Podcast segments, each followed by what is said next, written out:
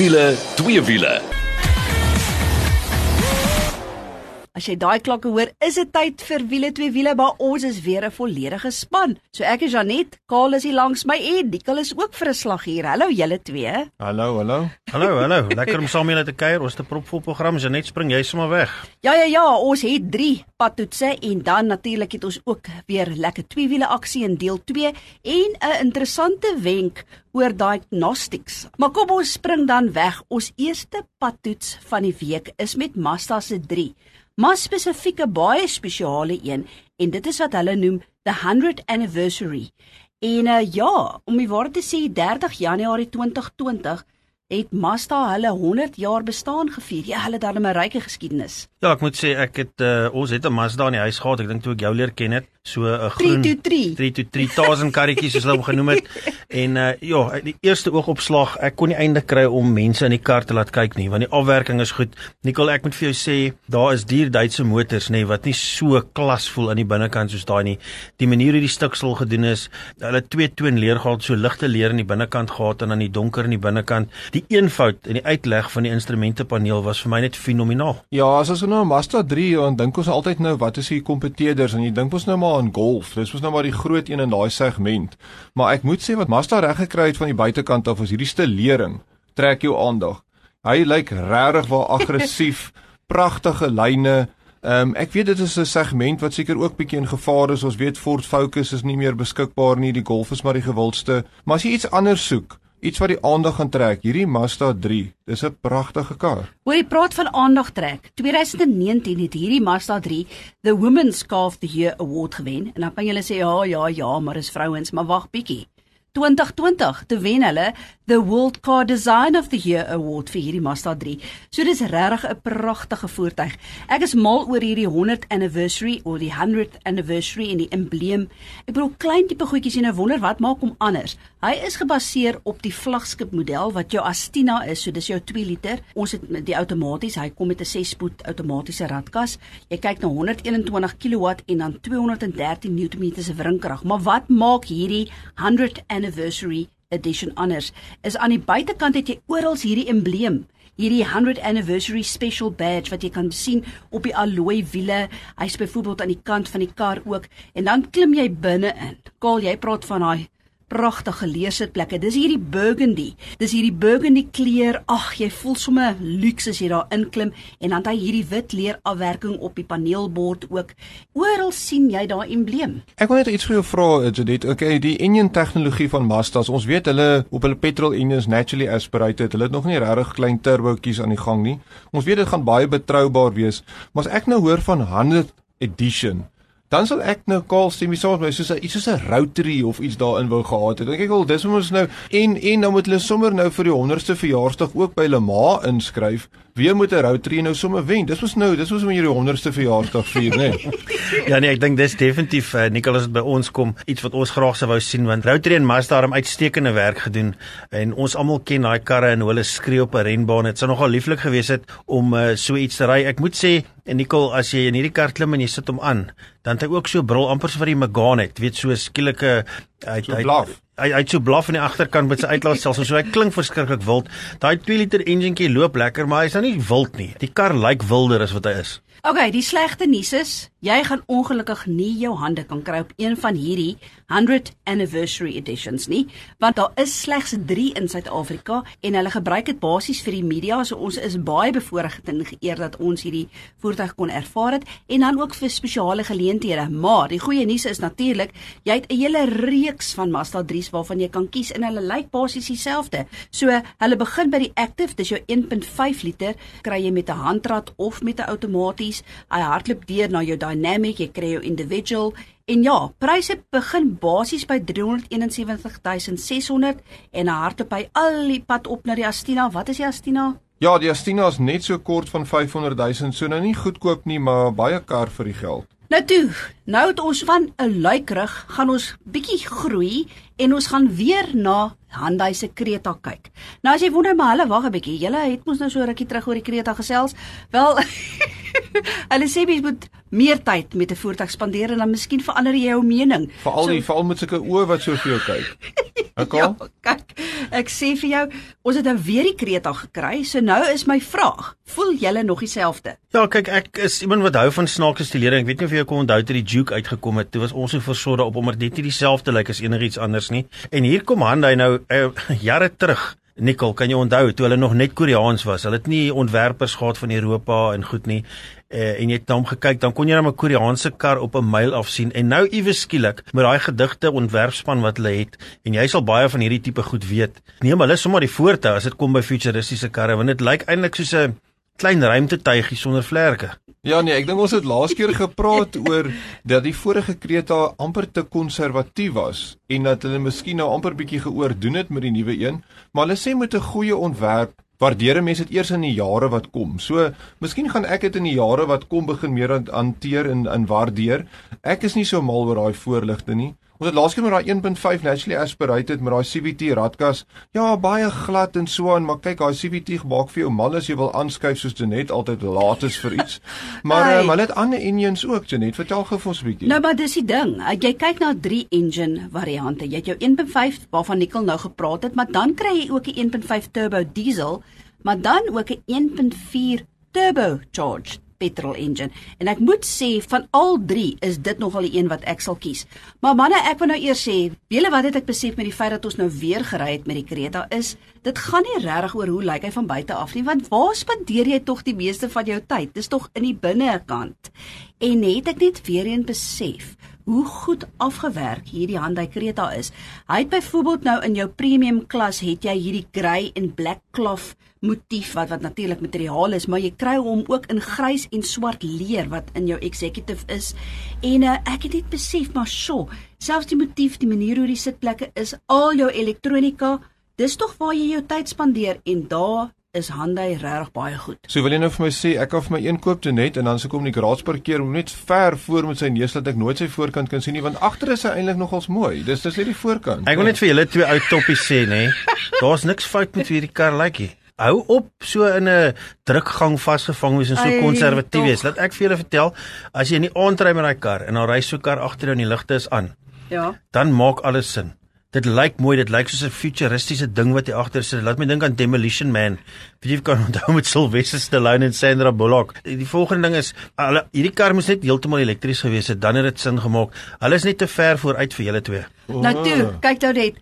Maar hoor jy net soos jy wonder, ons praat nou oor Hyundai se Creta en as jy wonder waar val die Creta in? Dit was nou vir my lekker om te gaan kyk na die lengtes van Hyundai se reeks om te sien hoe hulle groei. Jy het mos nou jou Venue, jou Kona, dan jou Creta en jou Tucson. Nou die venue begin by 3995. Dis nou meter, né? Dan groei hy na die Konaatjie toe. Die Creta is 43 en dan jou Tucson is 4480. So dit was net vir my interessant as jy ook wonder waar pas hy in die reeks in. Ja, ek wil net gou oor die pryse praat. So daai reeks begin hierso net so oor die 315000 rand.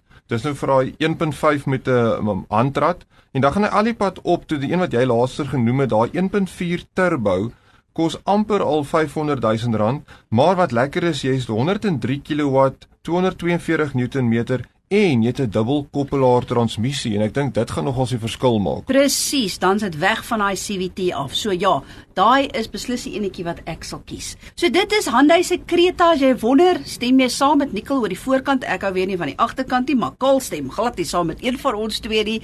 Gaan kyk bietjie op ons Facebook bladsy, dis wiele twee wiele, dan sal jy sien hoe lyk Hyundai se Creta. Nou gaan ons verder groei, ouens. En ons het al oor hierdie ingesels, maar o, ek het nou weer die lang pad aangedurf en ek gaan julle albei stil kry nou oor brandstofverbruik.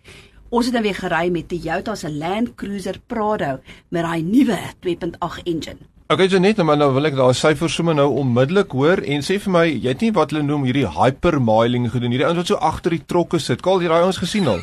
ek het al gesien die ouens wat kom is ook die ouens wat uh um die kar sommer in neutral sal sit as hulle teen 'n afdrand afgaan net op brandstof bespaar. Maar as jy net jy nou vir my hierdie syfer gee. Want wat ons gedoen het is ons het geweet hoe ver sy moet ry en toe ek die kar parkeer, toe sê ek vir haar luisterie, as ek kyk net die ryk afstand, dan behoort jy dit soontoe en terug te maak as jy nie te veel gaan rondry nie.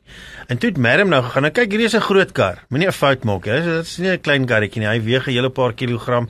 En um, ek het in my agtergekom dat ja, ja, ja, jy gaan nou weer 500 of 1000 rand se brandstofrekening kom want uh, ek ken vir Janet. Sy sê nou mooi ry vir die eerste stukkie en dan uh, gaan sy voet as die paai so 'n bietjie begin oopmaak dan is, is amper asof daar 'n magneet is by die eindbestemming nikkel hmm. wat haar aantrek en daai selfe magneet druk ook haar voet plat. So ek dink sy het yster in haar voet. As jy my vra, maar vertel ons 'n ja, bietjie. Wat is die syfer? Nou toe, wag nou. Ek en my vriendin het die afgelope naweek al die pad Kammieskroon toe gegaan om vir haar ma te gaan kuier daar op 'n plaas, groot gaas in die middel van nêrens. En kom kom ons begin nou daarmee. So ek het 'n getuie wat saam met my was. Wat was die ryk afstand toe ons die kar gekry het? Ehm um, 6700 km. Ag, jy Karel man. nee, dit was 1140 of iets gewees as ek reg was. Okay, hoor nou mooi, 1140, né? Nou ons het op die ouene gery in totaal 1073 km. En toe ek stop, toe ek nog steeds 'n ryk afstand van 298 km en my verbruik was 10,1 liter per 100 km. Nou goed, die amptelike verbruik is 7.9, maar hierdie is lankafstand. Ek is baie trots op myself, jammer. Maar Janet, ek sê nie so trots wees as ek jy is nie, want daai Prado het daar 'n 150 liter tank in. Imagine jy moet gaan stop en daai ding vol maak teen vandag se pryse. Oor ek voel julle praat die mense heeltemal die mekaar. Ek wil net so 'n bietjie teruggaan en net sê hoor die ouens, Kammies Kroon, as jy iewers in die land is of whatever, hoef jy gaan Google nie, maar ek dink as Kammies Kroon sy deure toemaak, dan val die rand met 50%. Dis 'n ekonomiese hub of nou. So vir die van julle wat nog nooit daai naam gehoor het nie, asseblief gaan Google dit. Dis 'n fees om te sien. Maar gaan julle twee nou maar aan oor die 150 liter. Ek dink dit gaan meer oor die 10.1. Ja, dit gaan oor die 10.1. Nou as jy wonder as jy nou net ingeskakel het, waaroor gaan ons so aan? Ek het gery met Toyota se Land Cruiser Prado en dit is met hulle nuwe 2,8 liter engine, net so terloops uit 150 kW en jy kyk na 500 Nm wrinkrag, so dis baie meer as die vorige model. Wat stukke beter is die ou D4D. Onthou hoe lui ja. daai D4D was? Ja, en het bietjie geraas en bietjie getrekker geluide gemaak. Nou is hy baie meer verfyn. Ja, en ons het jou gery van die Kaap tot by Kammieskroon en Kammieskroon is hierdie Namakoland se dorp in die middel van nêrens so kosbaar. En julle, ek wil net sê, ek het bietjie persverklaringe gelees. Hulle sê met hierdie 150 liter tank behoort jy so 1200 km te kry. Nou ek het basies 1100 gekry plus nog amper 300 km se range wat oor is. So, sorry, maar ek verdien 'n noddy badge vir daai een. Ek wonder of sy heelpad bestuur het. Dis my ook nou. Ek wonder of sy dalk iewers 'n bietjie brandstof ingegooi het op die plaas, miskien 'n kannetjie diesel. Ja, ja, dit gebeur. Maar jy net kan ek ons praat nou hier oor die oor die Prado en ons het die vorige program ook 'n bietjie meer in detail oor hom gepraat. Het jy gehoor daar kom 'n nuwe Land Cruiser 300? Ja, maar vertel, jy het hom al gesien? Ja, daar's nou as jy gaan kyk bietjie tik bietjie in Google en daar's nou al 'n paar van daai foto's wat so gelek het, net daai lek foto's is altyd so interessant om te sien. En ons weet die Land Cruiser 200, kyk, daai ding is mos hier 'n renoster van Afrika. Hy kom al jare, hy gaan deur Afrika, hy tem hom en almal is so half op hete kole. Hoe gaan die 300 lyk nou? Ek het gesien daai foto's, nê? Nie baie verskillend van die 200 nie. Ek dink hulle gaan iets heel anders doen, maar hoekom geen 'n resep wat werk so verander? So baie mooier gestileer, maar die engine is my interessant. Daar kom 'n nuwe 3.5 V6 turbo petrol enjin. Ehm um, en ons weet nog niks van diesel nie. So alles is nog al weggesteek. Ja, die luisteraars kan gerus bietjie Google en as hulle bietjie vir ons gaan uitvind, laat ons weet want almal is in afwagting vir die Land Cruiser 300 voor die einde van die jaar. En intussen as jy wil sien hoe lyk die Land Cruiser Prado waarmee ons gery het, daar's lekker video grepe en jy kan so pragtig mooi groot gaas die plaas daar by Kammieskroon sien en hoe daai vallei lyk.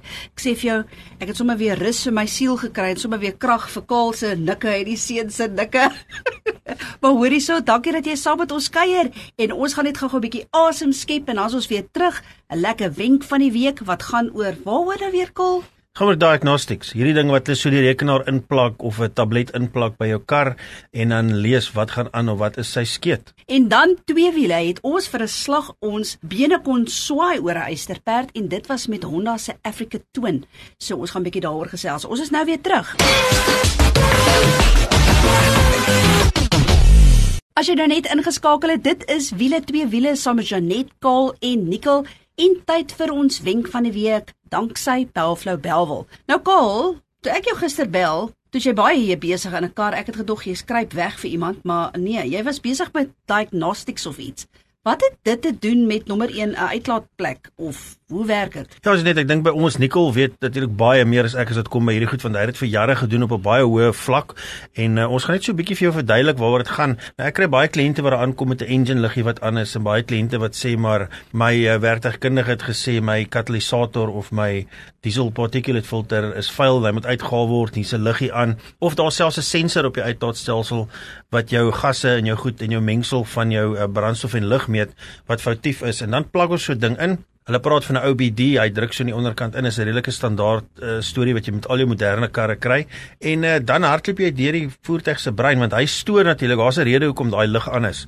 En dan stoor hy die rede en hy skop hierdie goed vir jou in. Nou baie ongelukkig baie keer kry ons karre wat die ou ding dis al probleme, nou moet ek vir hom sê meneer, hierso is 'n hele skerm vol goed wat nie lekker is nie waarvan die exhaust net een deel is.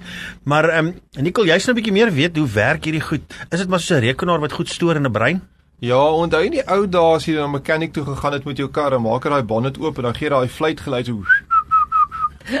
Ja, nou weet jy nou hoe lank hoe meer daai fluit is, hoe meer geld is dit, nê?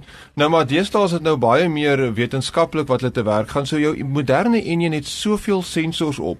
Ek het in die ou dae gewerk op 'n Ford Transit projek wat ek die diagnostics gedoen het op die kar. En net op die enjin was daar meer as 250 foutkodes wat op daai enjin kan sit as iets verkeerd gaan met 'n sensor soos of open circuit of short circuit of een van die goedes die die boost die turbo kan nie sy boost maak nie. Daar's soveel foute wat kan verkeerd gaan. En uh, vir 'n mechanic dis om 'n fout te kry gaan vir hom jare vat. So wat hy nou kan doen is hy prop sy rekenaartjie in die rekenaar is geprogrammeer om self daai foute te soek en dan daai foutkodes te stoor. Ons praat van DTC's, diagnostic trouble codes en elke kode verwys na 'n spesifieke fout en dan weet jy waar om te gaan soek. Maar onthou, jy het N1 kodes, jy het radkas kodes, jy het selfs kodes op jou instrumentpaneel, jy het kodes op jou ABS, jy het kodes op jou lugsakke. So oral in die kar is daar verskillende van hierdie ECU's, elektroniese breine wat 'n mens kan sê wat self diagnostics doen en dan vir jou kan sê wat verkeerd is. So ja, as jy daai dingetjie inprop dan uh, gaan hy vir jou al sê wat met die kar verkeerd is. So wat Kaal nou sê, miskien is jou lambda sensor daarmee heen, maar nog drie ander foute ook. En uh, Kaal, wat doen julle dan? Ja, dis 'n uh, redelik uh, standaard ding wat ons deesdae doen, veral as daai lesing sê iets soos 'n uh, catalyst below threshold, dan weet jy daai ding is foutief. Dis of tyd om hom te vervang of dit is tyd om 'n ander plan te probeer maak. Maar die kostes van hierdie goed nikkel is fenomenaal. Ek het al voertuie daar gehad wat amper 100 000 rand was om net daai tipe goed te vervang. En uh, niemand loop met daai tipe geld rond nie. En ek dit is nie regtig die verbruiker se skuld nie. Ek weet in ander lande is dit is al baie wette en goed wat toepas en sê jy moet daai goed in hê. Ons land se brandstof is so vuil. Die toestand van hierdie goed is regtig verskriklik erg. So ons bied 'n ander oplossing waar ons uh miskien die hele ding net sal skoonmaak, aan die binnekant al die binnegoed uithaal of uitsny en 'n stukkie pyp insit. En dan kry jy twee goed wat gebeur. Party voertuie werk met 'n ding wat jy noem 'n cat fooler. Dis so of 'n mini cat, dis 'n dingetjie wat jy indraai daar waar jou tweede sensor kom wat lees by jou katalisator. Jy draai hom in dan draai die sensor binne in hom in en dan dink die rekenaar daar is nog 'n cat in. O. So jy voel letterlik die stelsel sodat die liggie nie aankom nie want party voertuie gaan nou wat nou noem 'n limp mode om die voertuig te beskerm. So as daai liggie aankom, maar iewers skielik kan jy met jou voet plat sit. Daai kar gaan nie vinniger as 60 km/h nie, maak nie saak wat jy doen nie. En dit is natuurlik nie goeie nuus nie. 'n Ander manier om dit te doen of die manier wat eintlik uh, op 100% 100% effektief is is om sagte ware te laat doen. En daar's baie van dit beskikbaar op die mark. Daar's uh mense wat ek ook gebruik wat dit fisies in die voertuig se brein ingaan.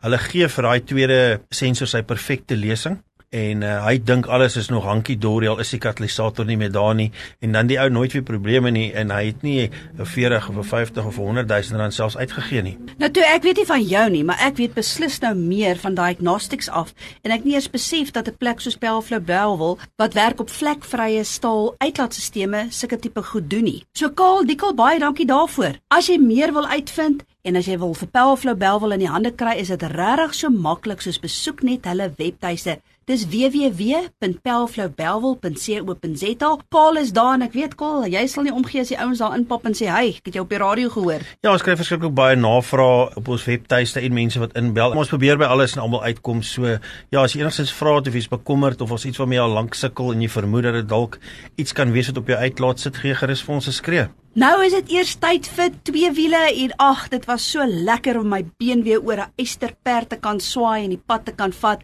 en ons praat van Honda se Africa Twin. Nou ons weet einde 2019 het hulle die nuwe Africa Twin uitgebring en hy's nie meer 'n 1000 cc nie, hy's nou basies 'n 1100 cc, maar ons altyd het hom ervaar, so kom ek bly eers stil en ons hoor wat sê die manne.